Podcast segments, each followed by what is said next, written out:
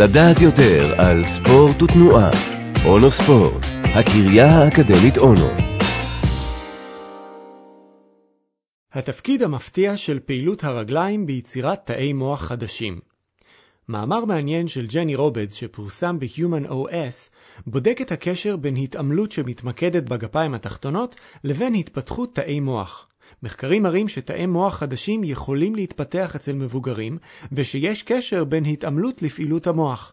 למשל, התעמלות אירובית מגדילה את ההיפוקמפוס, ומספיק סשן ספורטיבי אחד בשביל לגרום לנו להצליח יותר במבחן קוגנטיבי.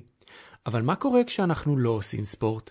האם מערכת העצבים נפגעת? החוקרים מאוניברסיטאות מילאן ופביה באיטליה רצו לבדוק מה היעדר פעילות ממושכת עושה למערכת העצבים שלנו. לצורך המחקר הם השתמשו בשתי קבוצות של עכברים.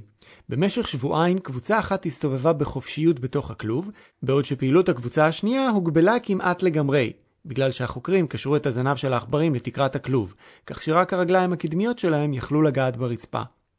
זה נשמע לא נעים, אבל בבדיקה מבוססת הורמונים ומבחני התנהגות הסתבר שהעכברים לא הראו סימני מצוקה.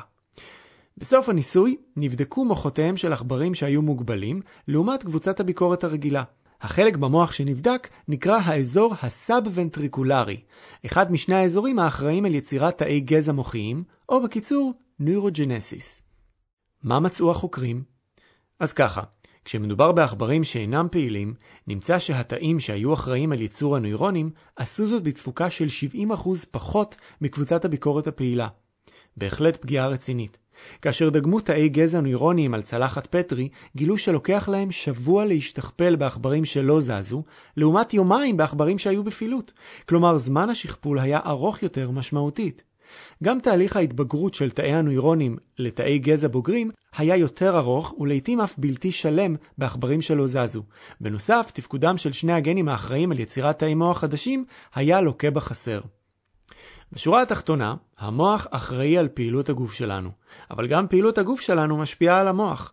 בכל הקשור לפעילות מוח גוף, אנחנו כביש דו-סטרי, וחשוב להקפיד על פעילות קבועה לא רק בשביל הגוף, אלא גם בשביל תפקוד טוב יותר של המוח. נראה לי שזה רמז. אני יושב כבר יותר מדי זמן ומקריא מאמרים. קמתי לעשות סיבוב, יאללה ביי.